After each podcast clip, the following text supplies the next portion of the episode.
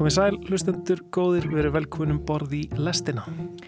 Í þætti dagsins munum við rekja áhrif rapparans nýlátna Takeoff og hljómsveitarans Migos og við heyrum um verðlun Norðurlandarás. Já, við minnumst líka fórsprakka hljómsveitarinnar Ló Rórp og ræðum við Snorra Hallgrímsson sem að semur tónlistina í einni vinsalustu myndinu á Netflix þessa dagana þetta var svona frekar vandræðilegu svona, svona networking fundur og ég held ég að það hefði verið haugþunnur og þetta var svona, mér, ég var ekkert að nenna þessu sko, en, en hún greinlega myndi eftir mér og svona nýfti á einhverju tímúti fyrir mörgum mánu síðan ég hann leikstjóra og, og hann hafi hlustað á mína sólumúsík. En á sama tíma þá er þetta líka hópur sem hefur gífurlegt menningulegt vægi í bandaríkjunum og í rauninu á heimsvísu mm -hmm. og það er náttúrulega þetta fullir af það að e, tónlist afríska þjóðabrótsins er grunnur í flest allri e, tónlist sem við heyrum í dag. Ég heiti Lofabjörg Björnstóttir. Ég heiti Kristján Guðjónsson og þetta er Lestinn þriðu daginn annan november.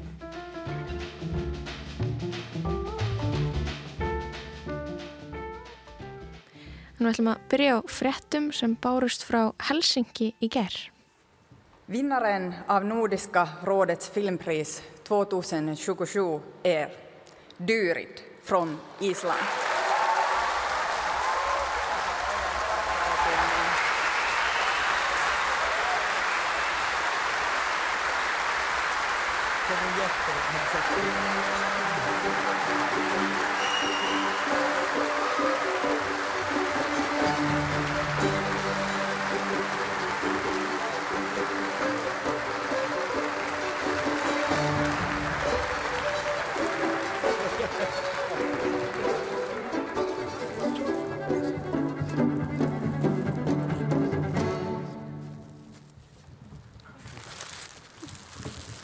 Island. Thank you so much. Uh, it, it's uh, such an honor to get this award, and uh, uh it's also an amazing honor to be, you know, with all these films and all these filmmakers. Uh, and thank you, uh, Nordic Council. And I really want to thank all the people that believed in our project, and also thank all our collaborators uh, because without them, you know, this would never have happened. Thank you so much. Þannig heyrðum við þakkaræð leikstjóráns Valdimars Jóhannssonar. Hann hlaut í gær verðlun Norðurlandaráðs, kvikmyndaverðlun Norðurlandaráðs fyrir bíómyndina sína Dýrið. Einmitt, um, magnaður árangur það, það var hérna Sanna Marín, um, fórstis á þeirra um, Finnland sem að kynnti velun af sinni frábæri sænsku. Já, frábæri sænska. Það er eitthvað svona þekkt fyrir að vera ekki tjestug í, í, í sænsku, en það skiptir ekki máli. En já, til Hamgi Valdimar og, og, um, og allt heimið sem að koma að myndin Þetta er fjórðaskipti sem að íslensk mynd hlýtir þessi velun Verið mikið um það undanfærin ár, eitthvað neginn Íslandikar fái þessi velun Já, greinilega standa okkur vel þarna. Það voru svo, það eru svona fimm kvikmyndir tilnæmdar í þessum flokki og mér er svolítið gaman að sjá að Hlínu Pálmarsson, hann fekk tilnæmningu fyrir Volaða land fyrir, Dam, fyrir, Danmörku. Já. og svo dýrið vann eina bestu mynd sem ég sá í fyrra sem var Verdans Vesta Menneskers norska, norska, það var norska tilnæmningin Já Einmitt, um, já, Íslandingar átt í rauninni meiri séns á þessum verðlunum heldur en ofta áður af því að það voru tvær myndir já, eftir ís, íslenska leikstjóra. Einmitt, það voru með tvo þarna.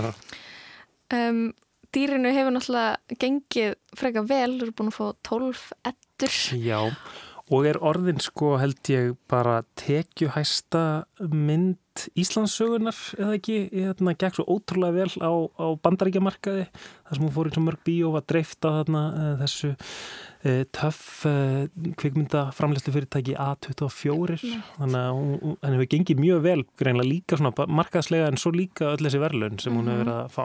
Mm -hmm. Þykir mikill heiður að fá þessi verðlun Norrlandaráðs og svo er þau ofananlega fáðu 300.000 danskar krónur no. í verðlunafíð mm. sem bara eru glæð skemmtilegt fyrir Já. fólki í kukundabransanum. En, en, en eh, var eitthvað útskýrt af hverju dýrið hlýtur þessi verðlun? Já, það fylgir hérna með raukstunningur Norrlandaráðs. Þau segja, í dýrinu skapar Valdimar Jóhansson einstaka frásögnum missi, sorg og hrylling. Þessi afar frumlega saga tekst á við síkild viðfangsefni um samskipti manns og nátturu og það er afleggingar sem það getur haft að augra þeim krafti sem í henni býr. Og svo framvegis. Já, og svo segja þau fullt fleira en, en enda hérna því að segja að dýri er tilkomi mikil frumraun Valdimars Jóhanssonar leikstjóra. Hann hlað ótrúlegt að svona, vera með fyrstu kvikmyndi sem gengur svona vel. Nákvæmlega. Um, en um, já, þetta, þetta voru um, verlu, verlun Norrlandaráðs menningafréttir í, í byrjun uh, lestarinnar á uh, miðugudegi. Við ætlum svona okkur öðru. Já, næsta ætlum við að kynna okkur áhrif Míkós rapsveitarinnar. Í gær borðstarfréttir að einn meðlumir sveitarinnar Takeoff hefði látist í, í Skotarás í Texas. Um, við fengum hingað í lestina til okkar Lóa Petra Stefánsson, tónlistamann og, og rapp unnanda til þess að fara aðeins yfir Míkós og Takeoff, þannig merka listamann. Versace, Versace, Medusa head on me like I'm Illuminati. I, I, I know that you like it. Versace, my neck and my wrist is so sloppy. Versace, Versace, I love it. Versace, the top of my Audi. My get John Gotti, he give me the dust and I know that they mighty. Whoa.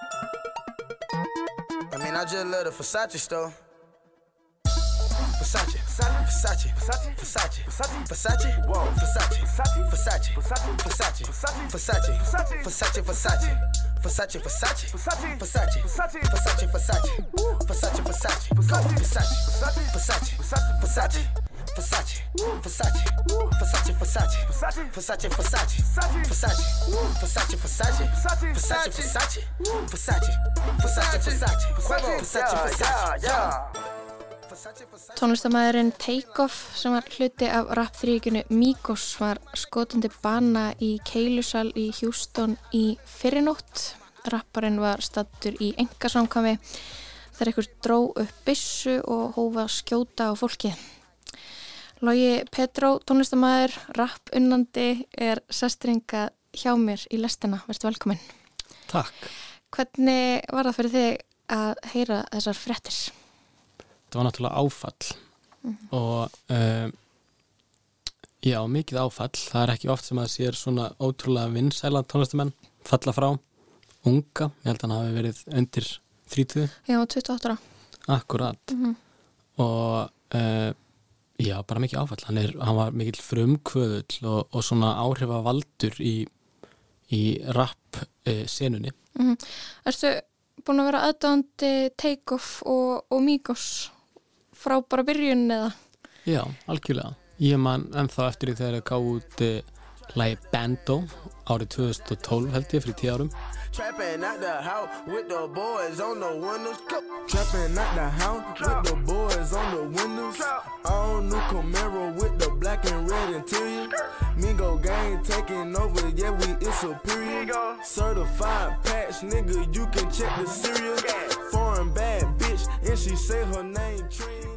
Hvernig myndir þú lýsa áhrifum þessara hljómsveitar, uh, þessara rappara? Uh, það tala um það sem eitthvað svona áhrifamestu rappsveit sinnar kynnslóðar. Sko, það sem að gerir Mikos tóltið áhugaverða, þessar hljómsveit sem að hann mm -hmm. take-off var í, mm -hmm. er að eitna, hérna, þeir voru með mjög svona svæðisbundin stíl af sinni rapptónlist, mjög svona regional stíl. Þeir voru frá norður Atlanta og þar, e, þarna í Suðuríkunum eru alls konar svona svæðisbundi stílar af raptónist. Og þeirra stíl var að vinna einmitt með þennan svona Atlanta e, stíl. Mm -hmm.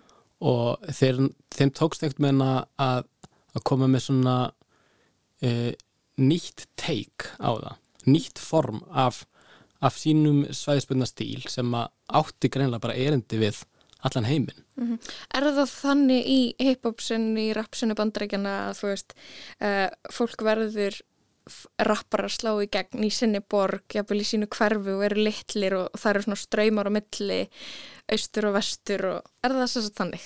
Algjörlega. Eh, náttúrulega bandrækjana eru risastórt land og, og það eru alls konar eh, svona litlar tónlistasennir og, og litlar risastórstjörnur í, í hverju borg og hverjum bæ mm -hmm. og náttúrulega með raptónlist, hún er svona fyrirbæri sem er oft bundin við svona e, afríska þjóðubrotið í hverju landi og við sjáum sem dæmali stundum verða stílar sem eru kannski bundni við borg eins og Chicago vinsalir allt í hennu í London og, og svo veist, hoppa stíla svona mikið á milli svæða og landa mm. sérstætt bara út frá því að, að eitna, e, þetta á eitthvað svona samilegt erindi við fólk hér og þar í heiminum. Mm -hmm. og ég mitt og Drake frá Kanada sækja innblóstur til London í græmsinn og svona. Scraining, scraining, yeah. Scraining, scraining, scraining, yeah. Don't not get straining but straining Don't not get straining but straining Don't not get straining but straining You don't get straight, you don't straighten In this game, sit back, be patient. Act like the game went vacant. Act like some been En svona aðeins um sko, meirum áhrifum til að rapp er þannig að veist, þetta nær út fyrir tónlist, þetta er tíska, þetta er svona menningarlega afstafa og hva, hvað heldur að sé sem ef þú getur einhvern veginn sett puttan á það og svona sem var ferst og spennandi þegar að Míkos koma fram einhvern veginn í tísku, í afstöðu hvernig, eh, hvernig kom það þér fyrir sjónir á sínum tíma? Sko, já, þeir voru með mjög afgerandi útlitt og stíl og voru að vinna með svona stíl sem var etna, e, fatastíl segi, sem var mjög vinsæl hérna í, í Suðuríkunum og, og þeir einhvern veginn etna, skrítið að sjá það fyrst sko. og, og þetta er á sama tíma og þetta talaði svo mikið við tískuna sem er gangið á þeim tíma mm -hmm. en svo er það líka eitt sem að Míkos komi með og til mikilvægt að nefna í, í þessu samiki og það er að þeir voru með svo afgerandi e, rap stíl mm. það var að hvernig þeir öppuðu og svo kallaða sko triplet mm. e, stíl. Og þetta er svona ákveðin rap stíl sem að e, hafiði mikil áhrif á, á raptónunst bara allstaðar í heiminum. Og til dæmis á Íslandi. Vist, það eru hljómsdýr eins og það er þetta benda á bara Ulf Ulf sem dæmi um, um svona hljómsdýr sem að e, verður já, fyrir miklum áhrifum frá Mikos.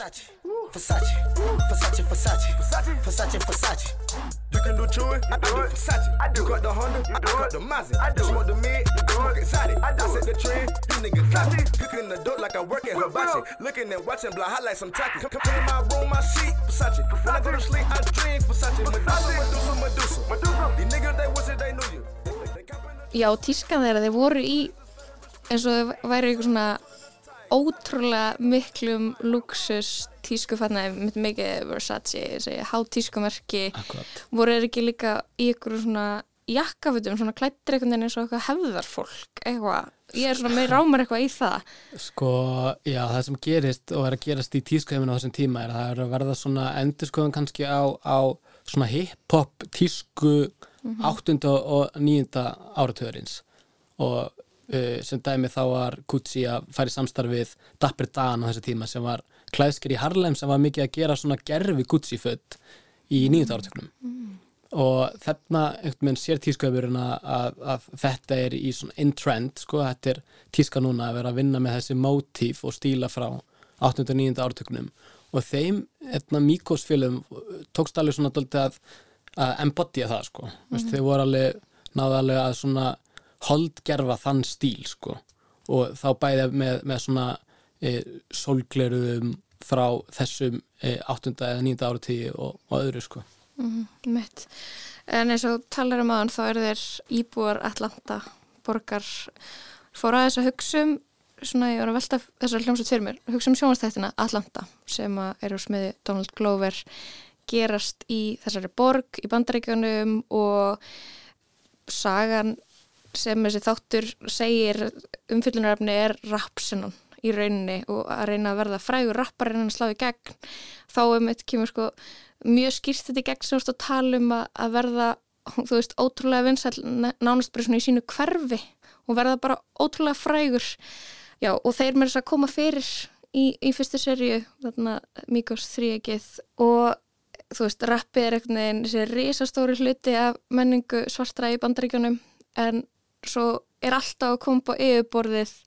Er alltaf líka að vera að díla við kynþáttaheikju, fordóma og hérna um þetta að verða frægur en uh, það er ekki eins gjöfult fyrir þig þú veist eins og, og að vera kvítur rappari, þú veist það er alltaf að, að hérna, kemur betur og betur í ljós í þessari sériu um, hefur, þú veist, hefur komið til Atlanta, hefur eitthvað neginn séð þetta og og velta svo mikið fyrir þeirra? Já, ég er nefnilega ferðast aðeins í Suðuríkunum, í Bandaríkunum. Ég hef nefnilega ekki farið til Atlanta borgar en ég hef verið í, í Memphis og e, New Orleans og, og öðrum stöðum hérna í, í Suðuríkunum og þetta eru náttúrulega mjög áhugaverðir heimar sem að hérna, fyrir okkur hér í Evropu að kíkja í sko. e, það eru þetta eru mjög brotin samfélag oft sem að fólk býr í, sérstaklega hérna í Söðuríkunum það er mikil fátækt og það er eiginlega engin félagslega net fyrir fólk að sæki ef eitthvað fyrir úrskeiðis. Og það býr náttúrulega bara til e, umhverfi sem að getur verið erfitt að búa í. Það er mikið, mikið um glæpi e, og, og þar leðindi mikið um svona e, ofbeldisglæpi og morð Skotarásir. skotarásir og í rauninni er það tóltið svona daglegt líf hjá þessum vinsalustu rappurum í bandaríkunum að þeir eru að heila allir með öryggisverði og það hafa núna á þessu ári verið tóltið mörg morð framinn á, á tónlistafólki rappurum í bandaríkunum og það er svona greinilegt hvað svona ofbeldismenningin er, er gífurlega hérna vestanafs Um, en þetta er náttúrulega eitthvað, eitthvað sem að gerist í gegnum aldirnar og áratöginna og þetta er náttúrulega í rauninu bara bein afleiðing af kynþáttahyggju og misrætti sem að þessir hópar hafa verið beittir. Það er ástæð fyrir að það er svona mikil fátækt og, og, og svona háklæpatíðinni í þessum samfélögum. Það er bara því að þetta eru samfélög sem hafa e, aldrei fengið neitt og aldrei fengið neinar egnir, þeim var haldið frá því að geta keift eignir eh, fengur læri laun eh, verri heilbyrðistjónustu og etc. etc. Takmarkaðan kostningarétt. Takmarkaðan kostningarétt, það er að halda áfram og það er náttúrulega það sem að býr til svona vondar aðstæður fyrir fólk að lifi í. En á sama tíma þá er þetta líka hópur sem að hefur gífurlegt menningilegt vægi í bandaríkjunum og í rauninu á heimsvísu og það er náttúrulega þetta fullir af það að e, tónlist afríska þjóðabrótsins er grunnur í flest allri e, tónlist sem við heyrum í dag. Já, bara og vinsalasta tónlistafólkið en það er eins og veist, þessi áhrif skilir sér ekki eða þarna peningarnir sem gætu fyllt þessum áhrifum eða veist, eitthvað e, velmögun eða eitthvað uh, skilir sér ekki á þann stað sem hann á að skila sér. Menningin og tónlistin kemur um mitt frá þessu þjóðabróti en uh, fátæktin, erfileikarnir það verist ekki vera að breytast neitt. Nei, nei, það er alveg rétt og, og í grunninn er það náttúrulega þannig að þessi stærsti fyrirtæki sem að sjáum að gefa tónlist og sjáum að miðla menningu í bandaríkunum er ekki eigu hópsin sem að býra hana til tónlistina eða menninguna. Það hefur náttúrulega mikil áhrif á, á bara afhverju e, það er ekki meiri sko, þess að það er að greinlegt að það er misræmi á millið þess e, hversu stór áhrifa þáttur e, svart fólk er í bandaríkunum og sérstaklega í menningu og hvaða tekjur þau fá síðan af menningunni mm -hmm. því að tekjurnar eru ekki að fara í samfélagin sem búa til menninguna þetta í bandaríkunum og það er náttúrulega bara út af því hvernig e, fyrirtæki hefur struktúraður þar. Það eru bara hvít fyrirtæki sem að e, sko fyrirtæki eða hvítra aðila sem að miðla helst tónlist í bandaríkunum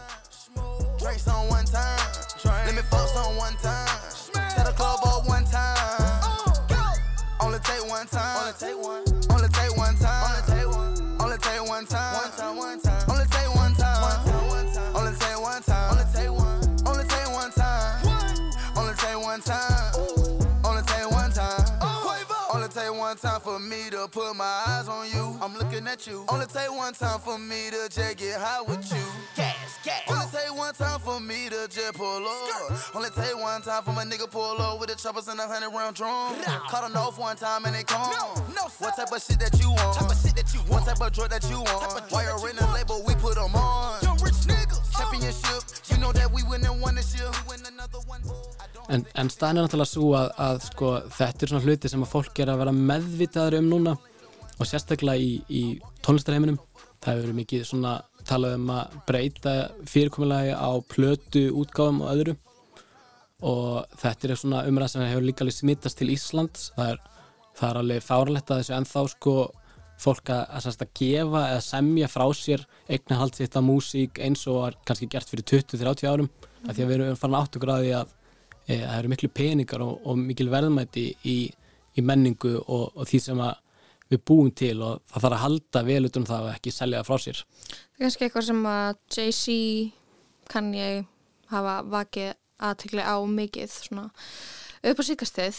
Algjörlega, Jay-Z hefur mikið talað fyrir þessu og, og síðasta plata sem hann gaf út, 444, hún fer alveg djúft inn í þetta, hún tala mjög mikið um hvaða fáralegt eh, sagt, hvaða verður lítill peningur til hjá fólkin sem býr til músikina mm -hmm. og mhm. hvaða áhrif það hefur þá náttúrulega líka bara inn á þeirra samfélag mm -hmm. en svo eins og ég segi, það eru alls konar hluti sem hérna, koma inn í þetta og, og búa til svona hættilega og erfið samfélag í bandaríkunum og þetta er allt hluti sem að að flestu leitir þetta er ekki til fyrir tíma og bara kynn þetta hyggju sko, heimsaldastefnu, nýjaldastefnu mm -hmm. í rauninni mm -hmm. og þetta er eitthvað sem að fræði fólk er alveg samalum að maður verður kannski þreytir á því að heyra sko fólk tala um þetta því að maður upplifir kannski svona e, fórnarlampa blæti sko, fórnarlampsblæti en þetta eru bara staðnindir sko mm -hmm.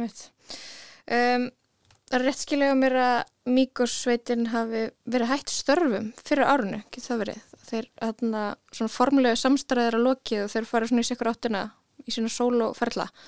Sko ég held að það hafi verið svo að e, þeir voru ekki hættir formlega mm en þeir voru sagt þetta eru þrýr e, félagar sem er allir skildir og ólust upp saman og e, þeim sinnaðist. Þannig að einn var svona að gera sitt meðan eh, Quave og, og, Takeoff voru mikið að túra saman. Mm, Hjóra Offset sem er mitt komin í hjónaband með Cardi B frægum eh, rappara.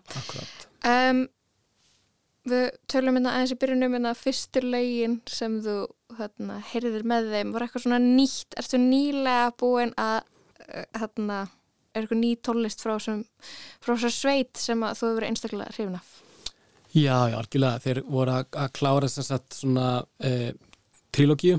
Þeir mm. gafu trilógíuna Culture, eða menningu. Mm. Það voru þrjár plötur. Síðasta platta kom út held ég í fyrra eða hitti fyrra og hún var bara frábær. Og, og staðrætt er náttúrulega svo að þeir voru svo miklu frumkvöðlar og áhrifavaldar hérna, fyrir tíu árum að þeir mótuðu náttúrulega bara næstu tíu, tuttu ár sko. Þannig að þeirra áhrif er ennþá svo skýr og greinileg og þess vegna er ennþá gaman að hlusta á Míkos sko. veist, þetta er ennþá, er ennþá áhugavert að, að tjekka á hvað, hvað þeir eru og voru að gera mm. og þess vegna er þetta svona ótrúlega sorglegt og þegar maður upplifir kannski það að maður missir einhver tónlistamann sem er svona ungur en svona mikill áhugavaldur og maður spissið þetta bara hvað ef mm -hmm. hvað, hvað, etna, hérna, hvað, hvað tónlist mistu við af hvað tónlist mistu við af en svona er lífið mm -hmm. við bara, þetta gerist og við getum ekki breytt í Lógi Petró, takk hérlega fyrir að koma og segja mér frá Míkos og Take Off. Takk fyrir komuna í listina, Lógi. Takk.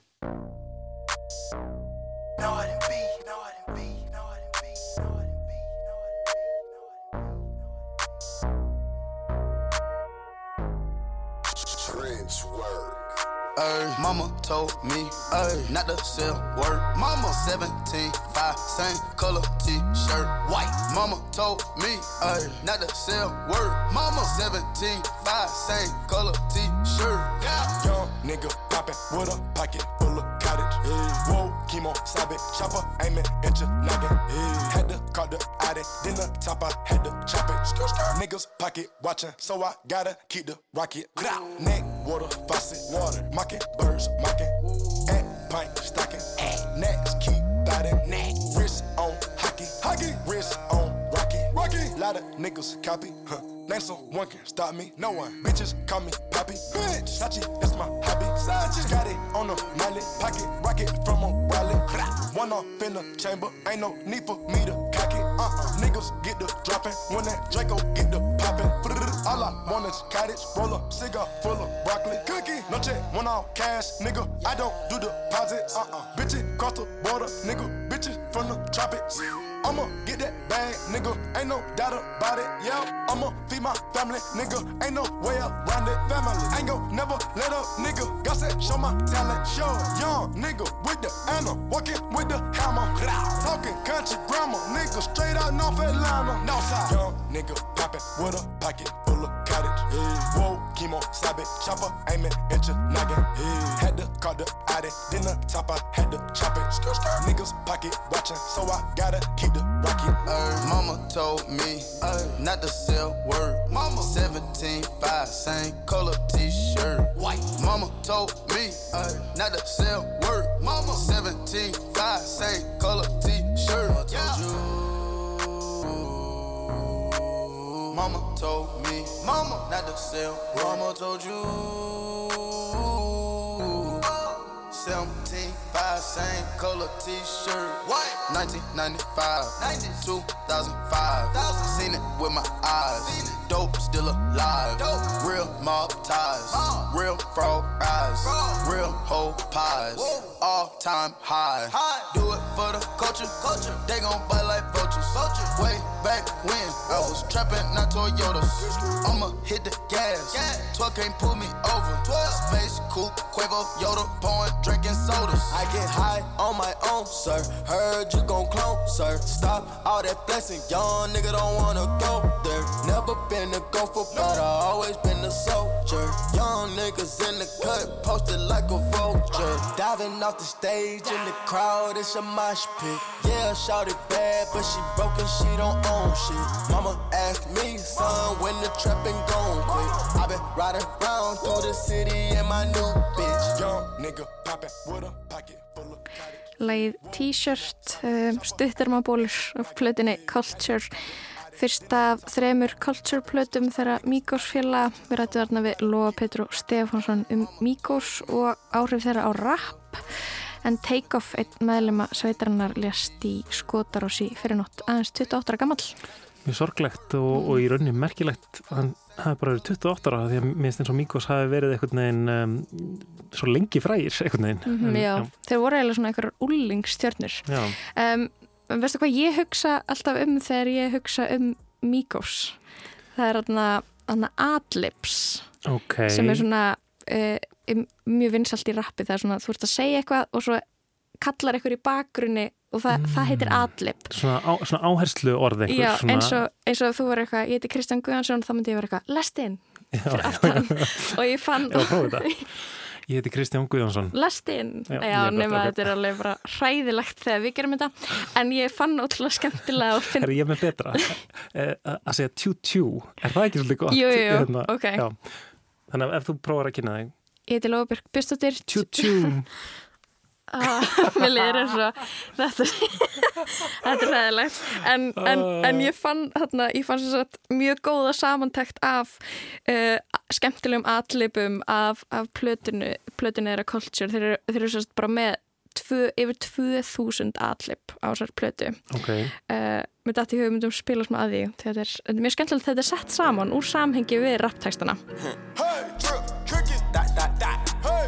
my we got my dope, my knot. Woo, woo, woo, woo, woo. Cool, roof, cash, wow, wow, damn, magic, cool bitch, go, no, hey, I'm rap, bang, woo, flash, fuck 'em, nah, skirt, brr. Já, þetta er skemmtilegt. Þannig að Choo-Choo er náttúrulega eins og þú sagðir, þarna eins og skirt Já, sem er þarna bíla skransa. já, emmitt, sem, er- sem er svona mjög ábyrrandi í þeirra rappi finnst mér. Mhm. Ég finnst alltaf verið eitthvað skur, skur. Þeir segja það mikið. En allavega, þetta var Míkos, þeir ættu bara að gefa þetta lag út núna með bara með þessum áherslu orðum, með áherslu aukum, mm allipum. En við ætlum að snú okkur að allt, allt, allt annars konar tónlist. Um, Við ætlum að um, kveikja á streymisveitunni Netflix. Clara, sé que me puedes hablar. Paula, cuidado. Cuidado, frena, frena, que hay algo. No te entiendo. ¡Cuidado! Voy a tener que borrar la tiza. ¡Cuidado, cuidado! Nos ha salvado la vida al traerla tan rápido. Snorri Hallgrímsson, tónskáld, tónlistamæður, er sestur um borð í lestina. Hann um, er að gefa út núna tónlistina úr kvikmynd sem hann gerði tónlist fyrir um, spænskmynd sem heitir Hála eða uh, Búr, Búrið nefnist á ennsku uh, The Chalk Line og er uh, aðgengilega á Netflix. Hefur slegið þar svona rækilega í gegnir, er, bara einn uh, vinsalasta mynd heimsins á Netflix þessa dagana. Verður velkominn Snorri. Takk fyrir. Herðu, kannski bara alltaf að byrja með hérna, hvernig kemst maður í svona verkefni að gera um, tónlist fyrir spænskan svona, hvað, sálfræði trilli eða eitthvað svo leiðis? Já, ummitt, uh, mjög góð spurning. Um, Stuttarsagan er, er rosa skemmtilega, hún er bara að, að leikstjóran hefði hlustað á mína sólumúsík sem er mjög ólík þessari músík en, en sá eitthvað í henni sem fekk hann til að halda að ég geti verið góður til að semja fyrir þessa hryllingsmynd um, en langarsagan er kannski svo að ég var sjálfur í námi á, á Spáni og einhver tíman á því góða árið að þá uh, hittum við ég og samnefndur mínir þar í, í tónsmíðum að hittum við fólk úr kvikmyndaskóla í, í Barcelona og þar er einhver uh, vinkona leikstjóra þessara myndar sem greinlega man eftir mér sem mér finnst mjög fyndið svona að hugsa tilbaka því ég man eftir þessum það var svona frekar vandræðilegu svona, svona networking fundur og ég held ég hef verið haugþunnur og þetta var svona mér, ég var ekkert að nenna þessu sko. En, en hún greinlega myndi eftir mér og svona nýfti á einhverju tíumúti fyrir mörgum mánu síðan ég er leikstjóra og, og hann hafi hlustað mína sólumúsík og, og, og kemur svo bara hefur svo samband bengt við mig sem var bara ég fór uh, næstu að gráta því ég vekk tölupostinu, það var svo aðeinsleg tilfinning sko, að fá það bengt í hendunar Að vera svona eftirsóttur. Já, því ég hef gert ég, hef unnið fyrir aðra tónlistumenn og ég hef fengið svona afganga til mín sko, sem, er, sem ég er mjög þakkláttur fyrir alltaf en, en þá hefur maður kannski alltaf yfir höfðun á sér að veit maður sko hver var fyrsta valið. Mm -hmm. og, og það getur verið svolítið Um, svona erfitt fyrir sköpunagáðuna að, að reyna að vera ekki alltaf að herma eftir þeirri mannesku þá. Um, á mjög, gerði mikið fyrir sjálfstyrstið að bara fá að vera ég og, og hafa frálsar hendur hvað það var þar sko að hafa ekki hafa ekki einhvern svona já, yfir mér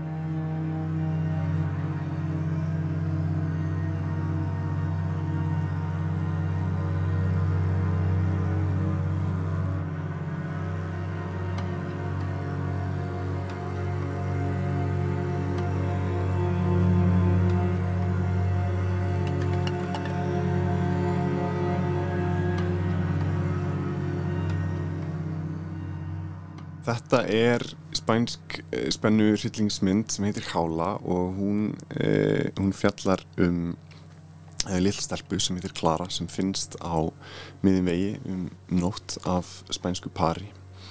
Og hún segir ekki orð og hún er mjög svona dramatíseruð og, og neytar að stíga út fyrir uh, krítarlínur sem hún er umkringt Mhm. um, og þaðan kemur titill myndarinnar, það er búrið, það er, það er krítarlínan og, um, og þetta par sem finnur hana tekur stelpun að sér í, í kjölfarið og, og svo svona smá sem hann fara, fara furðuleg hlutir að gerast og ég kannski segi ekki meira en það Mhm.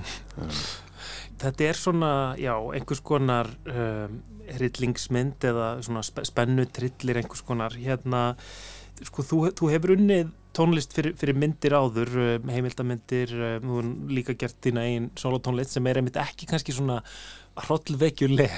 Hérna, hvern, hvernig, hvernig var að nálgast, nálgast þetta, þessa Já, stemningu? Um, það var í fyrsta lagi bara ótrúlega skemmtilegt um, ég, ég, ég, ég læriði tónsmíðar og læriði þá alls konar tónsmíðar og svo svona af, ímsum ástæðum festist ég kannski í einhverju uh, genre sem er, er svona mjög uh, hlustunarvænt og þægileg píanómusík þar sem ég er svona nokkurnu einn búin að vera gráta yfir píanóðu mitt síðustu ár sko og, en það var mjög uh, ég fann svona sko sköpunar bara að stækka með hverjum deginu sem ég, sem ég fór að kafa meira á hann í þetta verkefni og, um, og það er kannski helst að þakka leikstjórnum sjálfum sem var með svo rosalega skýra sín yfir hvað hann vildi uh, hann var búin að senda mér lagalista með alls konar kvikmyndatónlist og, og svona 20. aldar uh, klassískri tónlist Penderecki, Ligeti um, sem var svona mjög óþægilegar strengjatekstúrur allt saman og og þannig ég svona gæti séð hver rauði þráðurum var þar og, og svona púsla saman hvaða var sem hann vildi. Og svo var hann, þegar við byrjum svo á myndinni sjálfur þá hjælt hann áfram að íta á mig og íta á mig að fara alltaf lengra og lengra og vera brjálæðri og brjálæðri og brjálæðri og brjálæðri og það var ekki fyrir svona mjög syngt sko sem hann loksins þegar hann gæti stoppa mig og herði við, ég heldur þurfum að fara eitt skrif tilbaka. Þá vissi ég, ok, núna, núna erum við komnir á, á réttast það um, en þetta var ótrúlega skemmtilegt. Um, og það sem ég gerði var að, var að tala við að ég er svo veit, kem ekki úr þessum heimi er ekki búin að vera það síðan ég var rauninni sjálfur í námi að, að ég uh, talaði við vinn minn Carl James Pestka sem er algjört náttúru undur og er, er fylg og víuleikar og hefur spilað í öllum mínum verkefnum en hann um, og ég svona fór til hans og með hugmyndir að tekstúrum og skrítnum hlutum sem við getum gert á, á víólu og hann bætti við alls konar skrítnum hlutum líka og svo tókum við þetta upp saman. Og þarna uh, voru byggum við til svona banka fyrir mig sem ég gætt svo tekið sjálfur upp í stúdíu og til mín og verið að leika mér með sjálfur og blanda saman alls konar þessum skrítnum hlutum uh, spila á sama tíma ég bjóð mér til svona mitt eigið hljófæri út frá, út frá Kalla Mhm. um, já, var að spila á Kalla á mínu, mínu hljómborði einhvern veginn og það og megnið af, af tónlistinni kemur, kemur þaðan í rauninni Mm. Og, og, og, og þið voru einmitt að, nota einhverja svona uh, al, alls konar aðferði til þess að breyta hljóðinu í uh, víólunni, eða ekki?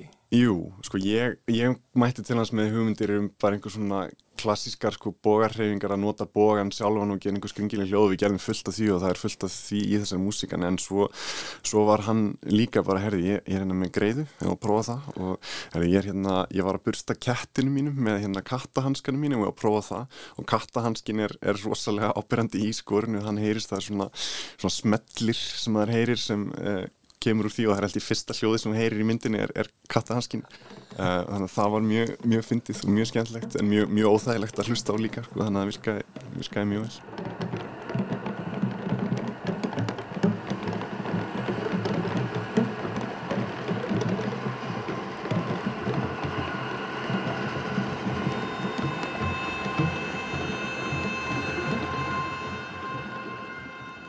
að gera tónlisti mitt fyrir svona um, hrollveikju, eitthvað svona trilli.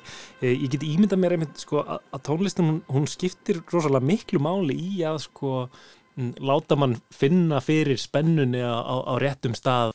Hvernig svona ákafinn ekst svona í ákveðnum senum sko í, í tónlistinni í rauninni stýrir algjörlega hvað maður upplifir sem áhörfundi ég get ímyndað mér að, að, tónlistin alveg rosalega stórt hlutverk í því í svona spennumyndum. Já, ekki spurning og ekki bara tónlistin, allt hljóð og það er rosalega flott að heyra sko hvernig einmitt í þessari mynd hvernig samspil tónlistarinnar og uh, hljóðhönnunar sem kemur ekki frá mér uh, vinnur saman. Það svona Um, og, og þa þar verð ég líka nefna að vinna minn Þorstein Eifjörð sem, sem var með mér á þessari mynd sem, sem hannaði alls konar uh, hljóð fyrir mig gerður úr, úr umhverjusupptökum, vindhljóð og sem hann rendi svo í gegnum hljóðgerfla og alls konar um, sem ég gætt líka síðan gerði mjög svipað bjóð mér til banka úr því og, og gætt blanda mjög saman við, sko, við hljóðin frá Kalla. En jú, en þetta, þetta skiptir miklu máli held ég í, í hryllingsmynd, ekki spurning. Og, og áskorinn í þessari mynd er að, var kannski að því að það er rosa mikið af, það er mjög mikið af músík í myndinni, það er, myndin er klukktíma og 45 mínútur og það er einn og hálfur tími af músík í myndinni um, að, að fara ekki of sko gist of snemma til þess að, til þess að eiga eitthvað eftir þegar mm -hmm. svo spennan magnast í myndinu og það var kannski svona áskorunni því að leikstjórun var alltaf að byggja meira og meira og, og brjálar og brjálar í músík og svona, já, svona sérstaklega í fyrir hluta myndinar þá var áskorunni að ná að trappa sig hans niður sko. mm -hmm.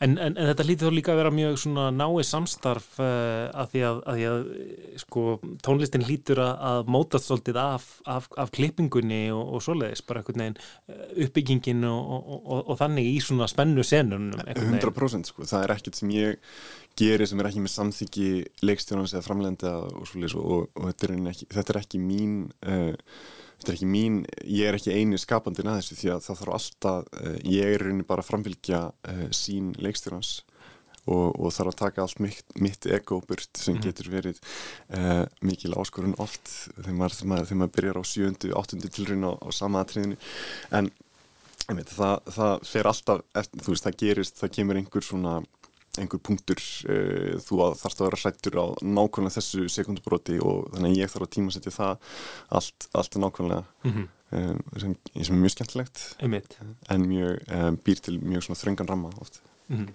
Það er kannski ekki mikið af einhvern veginn svona, hvað var að segja, laglínum eða, eða mikið af hljómum einhvern veginn í þessu. Þetta snýst einhvern veginn miklu meira um einhverja áferð og einhvern svona einmitt, einhvern ákafa, eitthvað svona intensity sem að, sem að ekst og, og, og mingar og, og svoleiðis. Já, ekki spurning og ég fann það mjög fljótt þegar ég kom með myndina í hendurnar að, að ég gæt aldrei verið að setja einhverja laglínur yfir. Um, það er ekki þannig að laglínur get ekki verið oknugjendi en, en það virkaði ekki í þessari mynd því að það er kannski þá taka svolítið yfir einhvern veginn en, en þetta snýrst allt um andrúsloft og það er kannski það sem þess, þessi mynd gerir hvað best er að hún býr til óþægilegt eh, andrúsloft sem svona stigmagnast með hverju mínutunum bæði myndatöku, hljóðunum og, og tónlistinni. Eh, þetta vinnur allt saman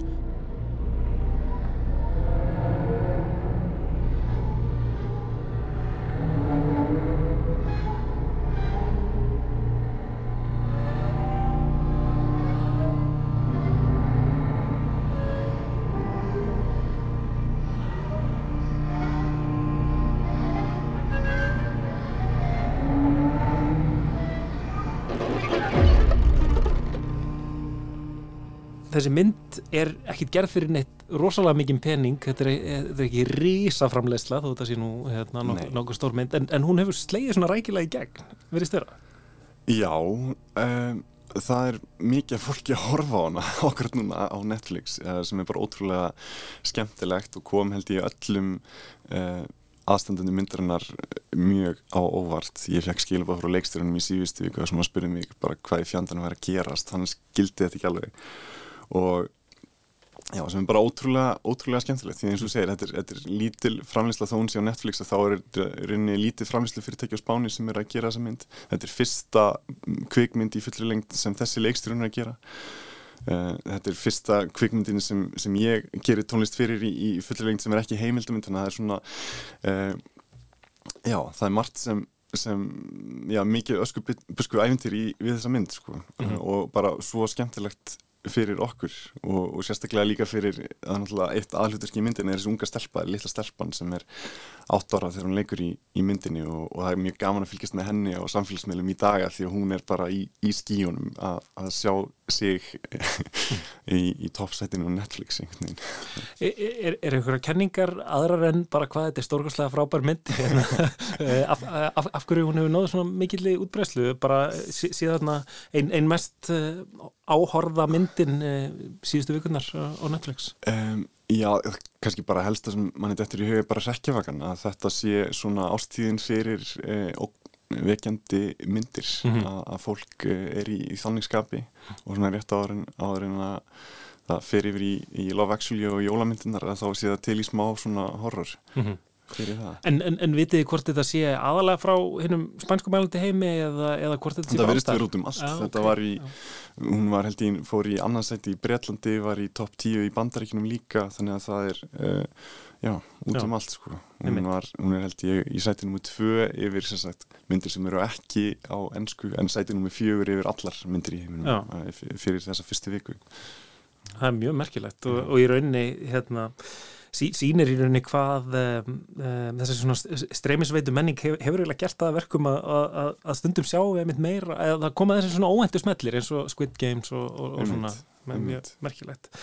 Hérna Snorri um, segðu mér, um, þú ert búin að vera, vera að stefna á þennan stað í eitthvað tíma, ekki? Meina, þú, þú fórst á lærðir kvikmynda tónsmíðar. Já.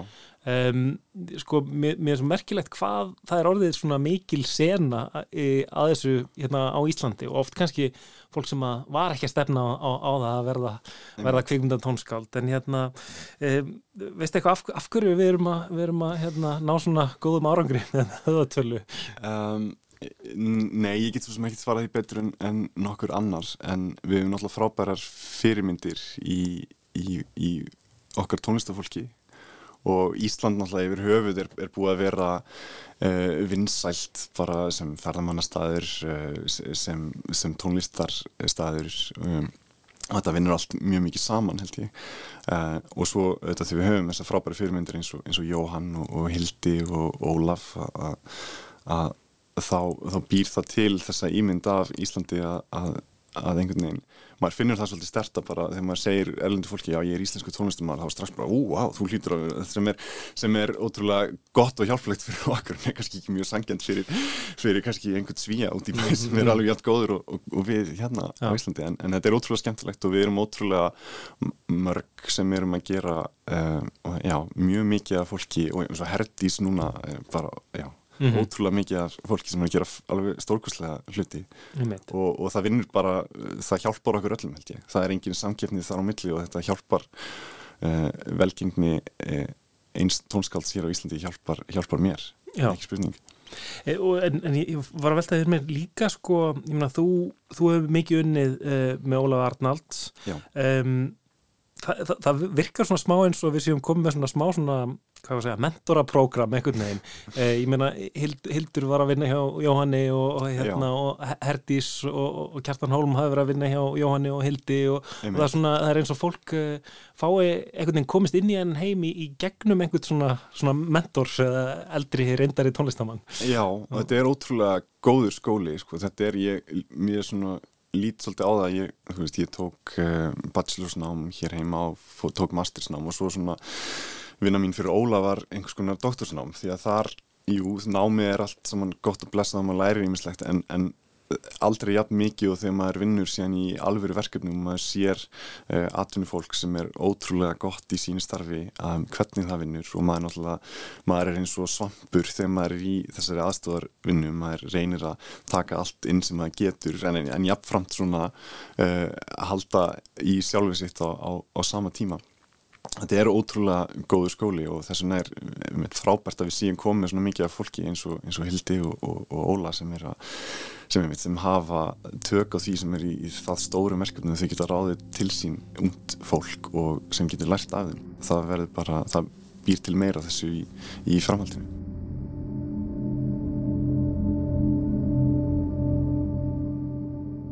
Eru fleiri verkefni á, á döfinni, fleiri, fleiri bíómyndir?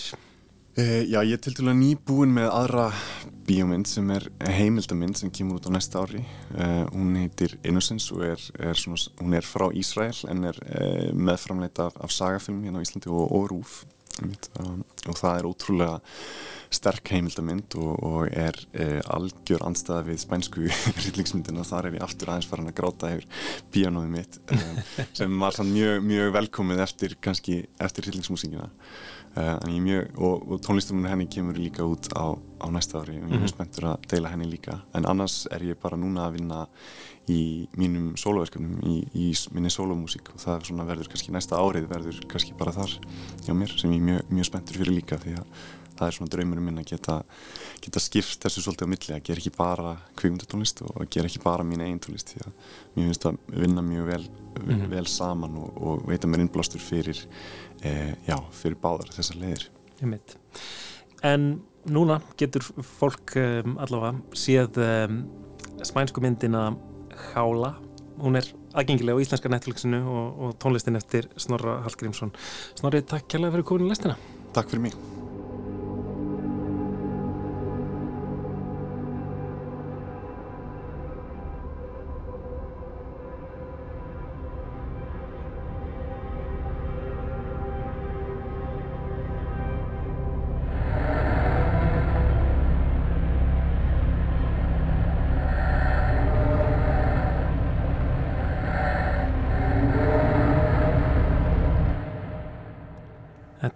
tónlist eftir Snorra Hallgrímsson úr uh, kvikmyndinni Hála búr, spænskur spennutrillir á Netflix. Einn vinsalasta mynd heims á streymisveitunni þessa dagana uh, kemur öllum aðstandendum myndarinnar á óvart.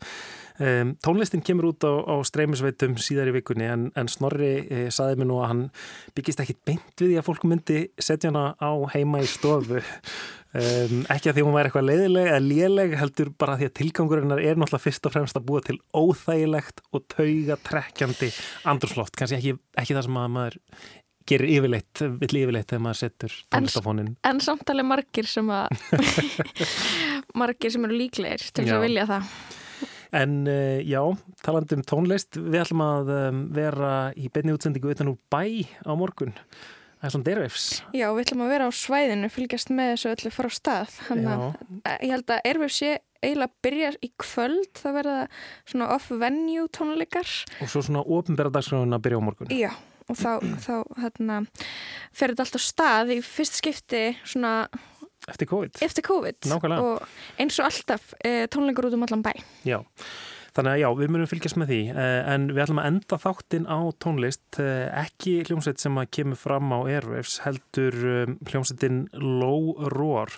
Það er eh, fréttir bárust nefnilega núna í byrjun vikunar að söngvari þeirra hljómsveitar Ryan Karadziya væri látin aðeins ferstugur að aldri eftir stutt veikindi. Ryan hann bjóðina á Íslandi fluttið til Íslands í kringum 2010 og stopnaði það þessa hljómsveit Low Roar og var alla tíð sem sagt svona söngvari og aðalspröyta sveitarinnar. Og það voru margir íslendingar sem, sem komu að um, hljómsveitinni, voru meðlimir eða unnu með henni um, hljómsveitin gátt fimm plötur og svo sjötta var langt komin þegar Ryan lést og, og mun um, að öllum líkindum koma út í einhverju mynd. Þetta er hljómsveit sem að, já, var svona þekkt hérna á Íslandi en, en ekki, ekki mikið erlendist þangað til að tónlist með henni kom út um, sem sagt var, var notuð í tölvuleik sem að heitir Death Stranding. Einmitt. en sem sagt tölvuleikja hönnuðurinn um, japanskur gæi sem er mikil stjarnar í tölvuleikja heiminum heyrði uh, tónlistina þegar hann var í plötubúð í Reykjavík. Þannig að hann hérna, um, notaði í tölvuleikin en, en allavega við ætlum að enda lestina í dag á, á lægi með Low Roar lægi sem heitir I'll Keep Coming. Og um, já. Já, við Lóa og Kristján og Lydia Gretastóttir tæknumar þökkum fyrir samfélgina. verið sæl